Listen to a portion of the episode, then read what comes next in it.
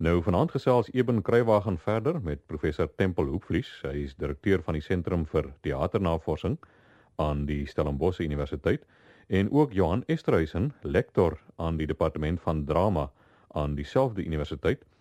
En hulle gesels so 'n bietjie oor die gebeure wat aanleiding gegee het tot die totstandkoming van die nasionale toneelorganisasie, die NTO in 1947 en dan later ook die totstandkoming van die streekrade en hulle kyk na moontlike oplossings wat daar in die geskiedenis te vind is vir die huidige krisis in die streekrade.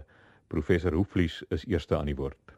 Die storie het eintlik sou ek sê omtrent begin in die 1880s met die opkoms van die Afrikaner bewussyn, die belangstelling in die taal, die bevordering van die taal en die politiek natuurlik wat daarom baie sterk ingebring het. Dat jy daar 'n tydperk gehad het wat gedomeineer is deur 'n kommersiële teater uit die Europa primêr, maar dat die Afrikaner intussen om via sy amateurbewegings, die die die rederykerskamers en die debatsverenigings en dies meer al hoe meer 'n behoefte gehad het om te praat en debat te voer oor oor die taal en die politiek en die natuurlik deur die boereoorlog ook.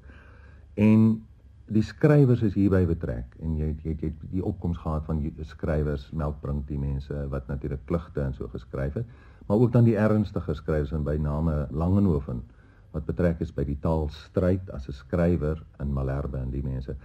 En hulle het stukke geskryf om 'n letterkunde te skep en die amateurgroepe het dit begin opvoer en die mense toe geleidelik al meer op die platland veral natuurlik het jy die belangstelling gehad en dit is natuurlik die die oorsprong gewees van 'n behoefte aan 'n professionele teater in Afrikaans. Daar was 'n professionele teater in die stede in Engels. Ehm um, so dit is daar het jy die die die belangstelling gehad en toe daar in 1925 'n professionele groep op die been gebring is. Paul de Groot, Andre Hugenay, die mense en later uh, meer groepe die Hannekoms en in mettertyd het jy dus 'n professionele Afrikaanse teater, het 'n professionele Engelse teater gehad. Het 'n sterk amateurbeweging in albei tale gehad wat hier in die 30er jare saamgesnoer is as FATSA, die Federasie van Amateur Toneelverenigings. En die mense het toe begin drukgroepe vorm en gesê nee maar eh, soos in ander lande is hier 'n groeiende professionele teater en die staat moet begin ingryp want onthou nou is ons in die unitydperk en so die ons is nou in beheer van die staat ons kan nou begin vra vir die staat om te help. Ehm um, die staat het op daai stadium deur nasionale opvoeding as ek reg onthou 'n bietjie geld vir amateurwerk gegee maar nog niks amptelik nie. En toe die drukgroepe al hoe sterker geword mense soos Anna Netling Pool, Hugenay, John Connell, dit lontname wat mense kon noem Hermine Dommese is later ook daarbey betrokke gewees. Die mense het baie sterk gedruk op die op die staat uitgeoefen en net na die oorlog het daar ehm um, die resultaat was dat hier 'n gevoel in die land onder die mense ontstaan het. Ek wil die tydskrifte, as mense die tydskrifte van die tyd lees, wonderlik. Die die kort kort was daar 'n artikel oor nasionale teater en ons soek 'n nasionale teater en so aan. Maar dit word eintlik populêr vertel dat die deurslag gekom met die kwaliteit van die opvoerings wat gedoen is en by name in die opvoering van Hamlet wat net in 1947 met Andre Hugenay as Hamlet en en, en natuurlik eh, noem maar die name. Nou daardie uh, insident word soos ek sê populêr gesê was die deurslaggewende ding. Dit het vir die staat bewys dat daar 'n kwaliteit van werk gedoen kan word en, by, en natuurlik ook pertinent in Afrikaans dat ehm um, daar dit miskien steenwaardig is. Nou ja, en toe toe die staat oorgegaan daartoe om 'n borgskap van 'n aard aan die akteurs beskikbaar te stel.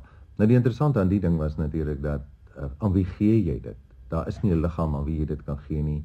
Ehm um, dit was nog glad nie die stigting van iets soos 'n nasionale teaterorganisasie nie. Dit was dit was die gedagte daar net geld sou gegee word uh om so iets aan die op die been te bring. En uh dit het dit nou gegee wat 'n baie interessante skei was aan aan aan FATSA, die amateurorganisasie wat natuurlik uh in die tyd 'n geweldige opslaaf veroorsaak het. Maar uiteindelik toe is die ding uitgestryk deur professionele mense te betrek op die raad en so aan, maar die voorsitter was toe meneer PPP Breitmag, hom Breities soos ons hom nou geken het, wat die voorsitter was vir baie jare van FATSA. Nou hy het daai geld het hy te bestuur met 'n raad uit eers in Kreeusdorp maar later in Pretoria kantoor opgesit en dan het hy akteurs eh, per produksie in diens geneem.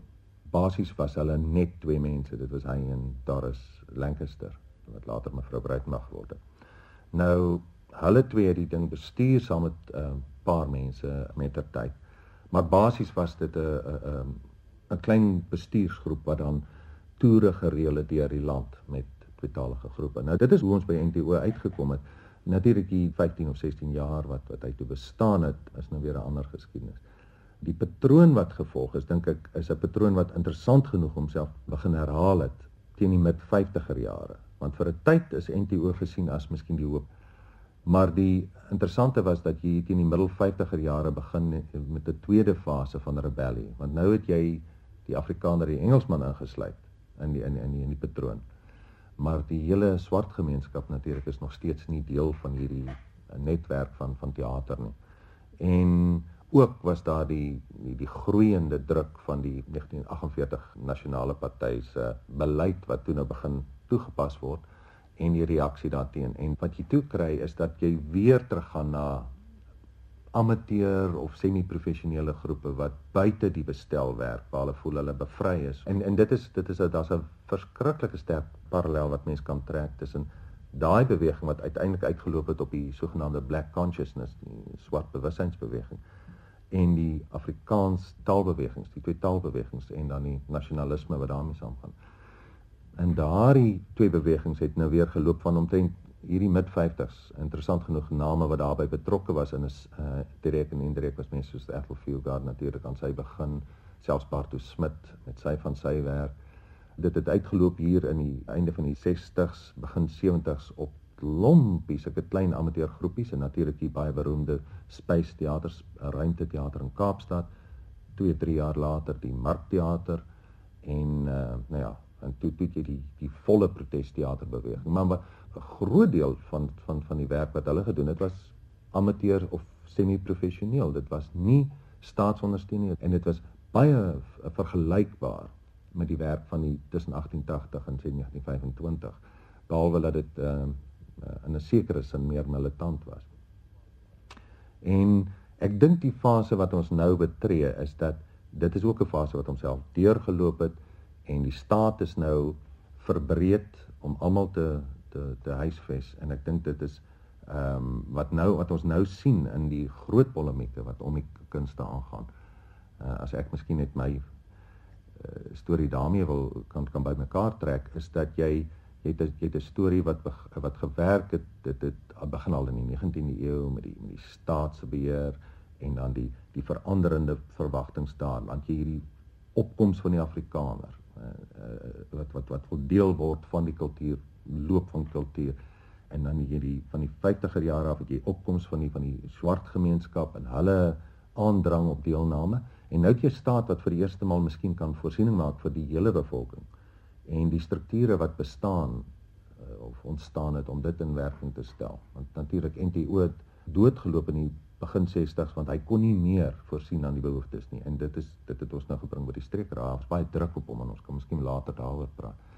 Maar die die die die die die ding moet nou weer heeltemal bedink word in die streekrade in daai sin voel baie mense voldoen nie. En ek dink baie van die polemiek en baie van die probleme wat nou vreeslik vinnig na vore kom het te doen met hoe pas die die strukture aan by die verwagtinge en die die hele proses van 'n uh, betrekking wat nou moet plaasvind of ons nou vorentoe weer 'n rebellie en weer 'n reaksie gaan kry, dis 'n baie interessante gedagte wat ons op, miskien op 'n stadium oor kan gesels.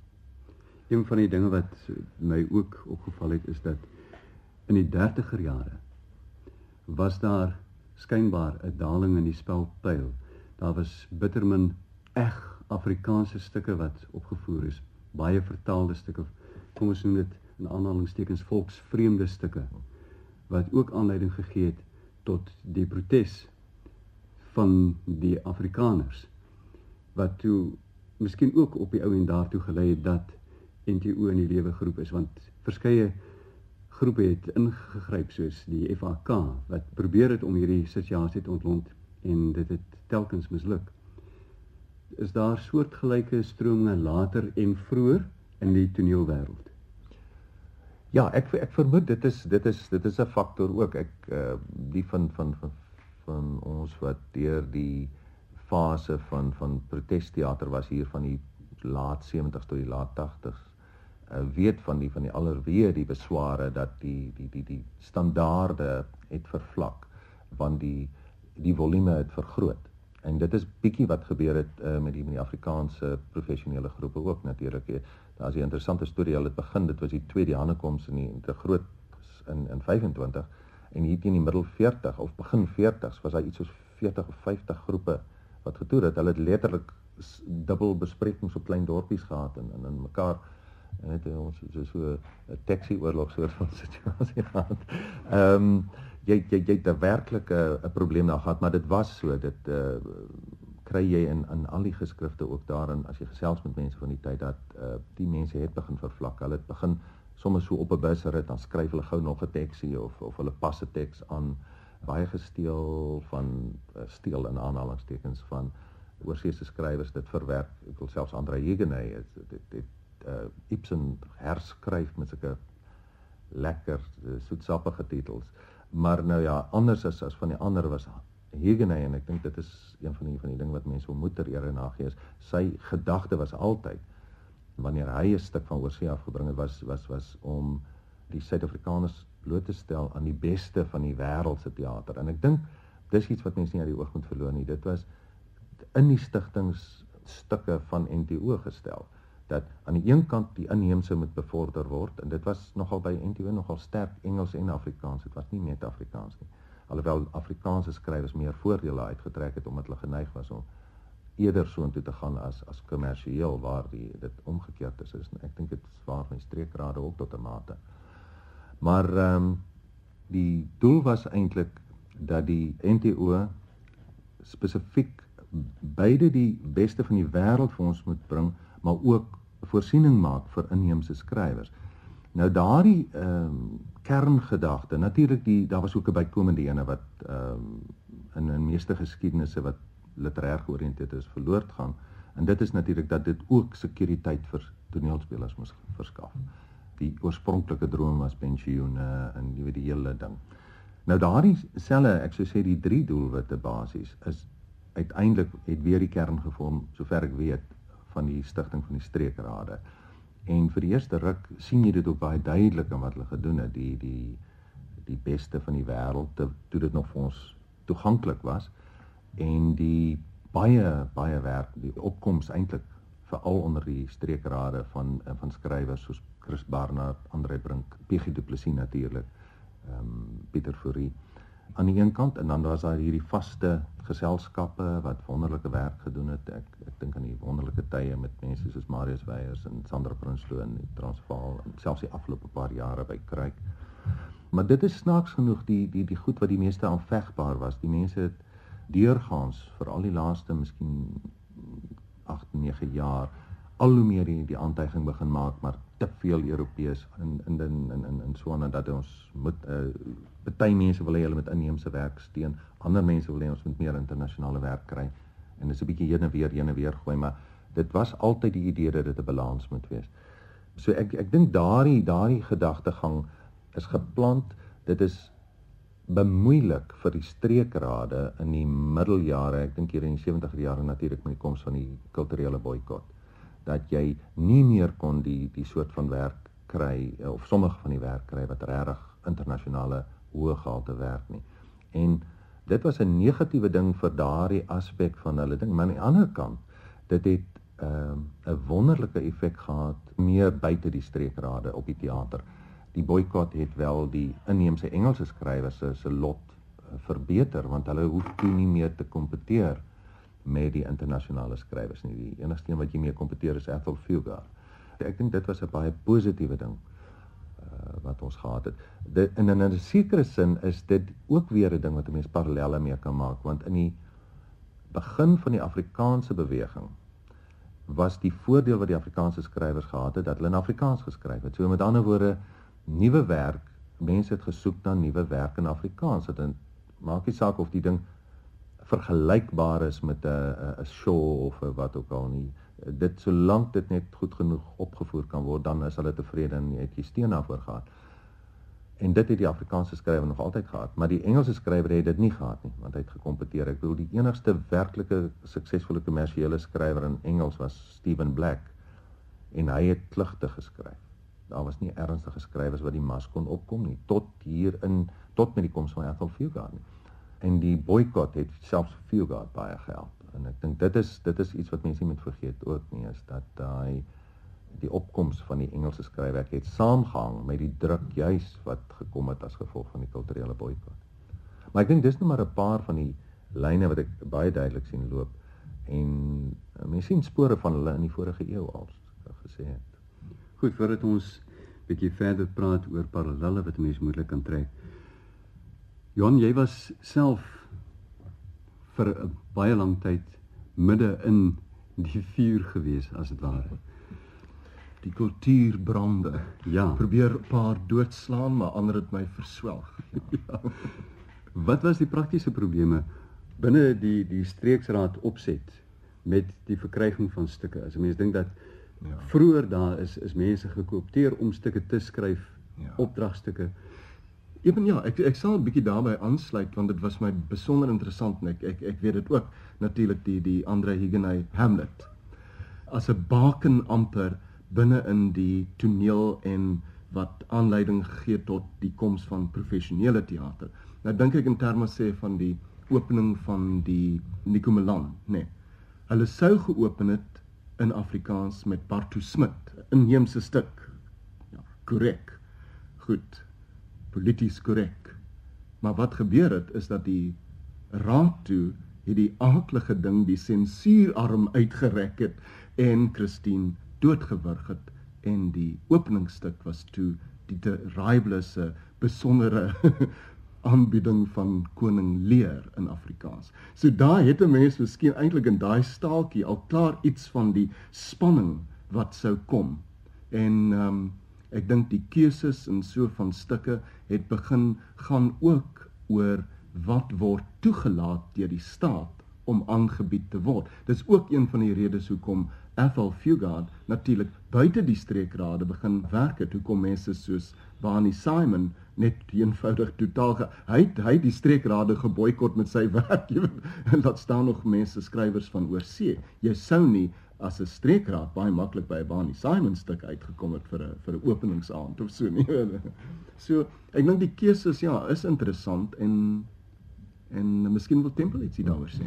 Ja, ek wil miskien net iets daar by uh byvoeg want dit is dis vir my ook een van die staaltjies wat min mense van weet en ek dink dit is ook weer soos jy sê demonstreer so baie van die kompleksiteit van die ding is dat twee van die drie sleutelfigure in die in die in die markteater opset en en ook in die spys uh, so oorspronklike dinge is is Ethel Fugard, Barney Simon en Manny Manham. Mm -hmm. Nou van daai drie het ten minste twee ek weet ek weet nie of Barney ooit uh, iets met die streekrade te doen gehad, maar Manny was word nog deur baie mense beskou as die beste bestuurder wat uh terug nog gehad het. Uh drama hoof gewees en en en uh Ethel Fugard het nog verder teruggegaan. Hy was verhoogbestuurder op Germanicus van NTO en na sy tyd in die buiteland toe hy verhuis is in die, in die in binneland hier by ons omdat hy werk van 'n van 'n van 'n relatiewe politieke aard gedoen het in België het hy met sy terugkoms weer aansoek gedoen by druk. So dit dit was nie asof Fieldguard of enige van daai aanvanklik nie ook hierdie hierdie staatsbestel wou gebruik of kon gebruik nie. Maar ek dink veral gebeure soos die Batu Smit insident het uiteindelik vir mense gesê nee, kyk hierdie deure is gesluit en en, en hier is hier is hier is uh, magte aan die werk wat ons nie meer kan in toe in toe beweeg hulle uit. Toe gaan werk hulle buite dit was in 71 en 72 is die Space Theater in Kaapstad gestig. Korrek, presies. En en en en en 2 jaar later of nee 3 jaar uh, in 76 is die die Markteater gestig. Ja. As jy mooi daaroor dink, die eerste fase was hierdie hierdie baie sterk weerstand in toe begin almal weer met sulke eksperimentele groepe uh, uh, Soekhof se Soekhof se se wonderlike nee. dis reg die mhm. presidentsie. Mm -hmm. Maar die een wat wat ek altyd sal onthou want ek ek het toe vir vir Soekhofs gewerk was ehm um, uh, Kanaiko huis toe wat sy eerste professionele opvoering in die Vrystaat waar Erm Smol nie mag gebly het vir langer as 24 uur nie uh, hy 'n spesiale permissie kry, het hulle sy werk vir die eerste maal opgevoer met hierdie groep. So die die streekrade het baie keer on dit dit afhang van die uh, die die leiers van daai tyd en so het hulle soms baie interessante goed reg gekry. Daai was vir my 'n besondere deurbraak geweest. Ehm um, wonderlike opvoering ook. Nou die uh, trukke dieselfde dinge gedoen hier in die Kaap het uh, ek weet Pieter Fourie het allerlei waagstukke aangaan Johan self het het, het, het betrokke geraak.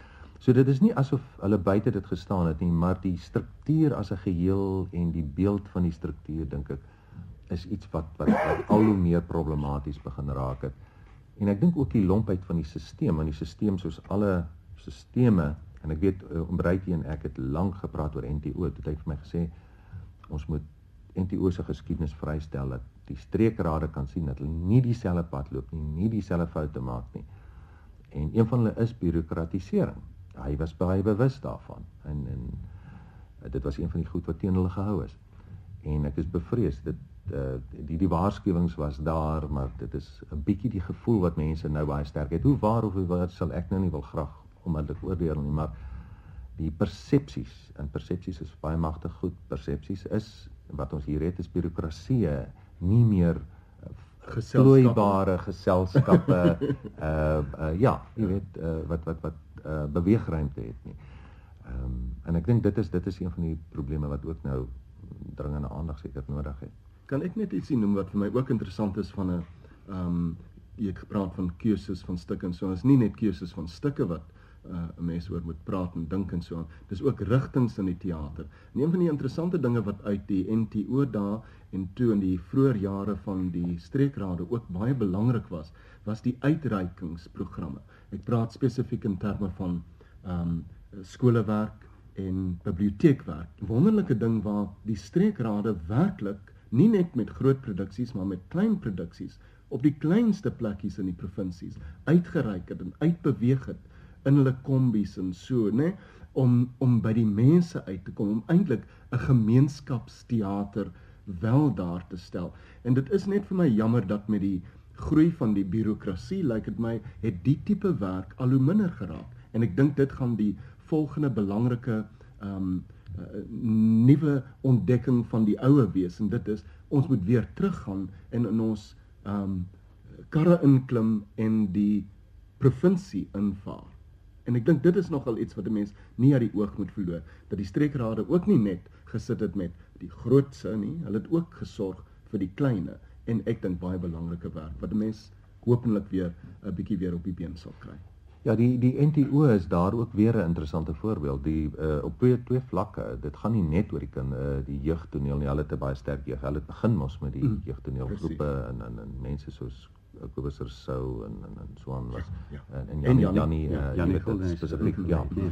Maar uh en Limpie Limpie besonder Limpie ja. ja.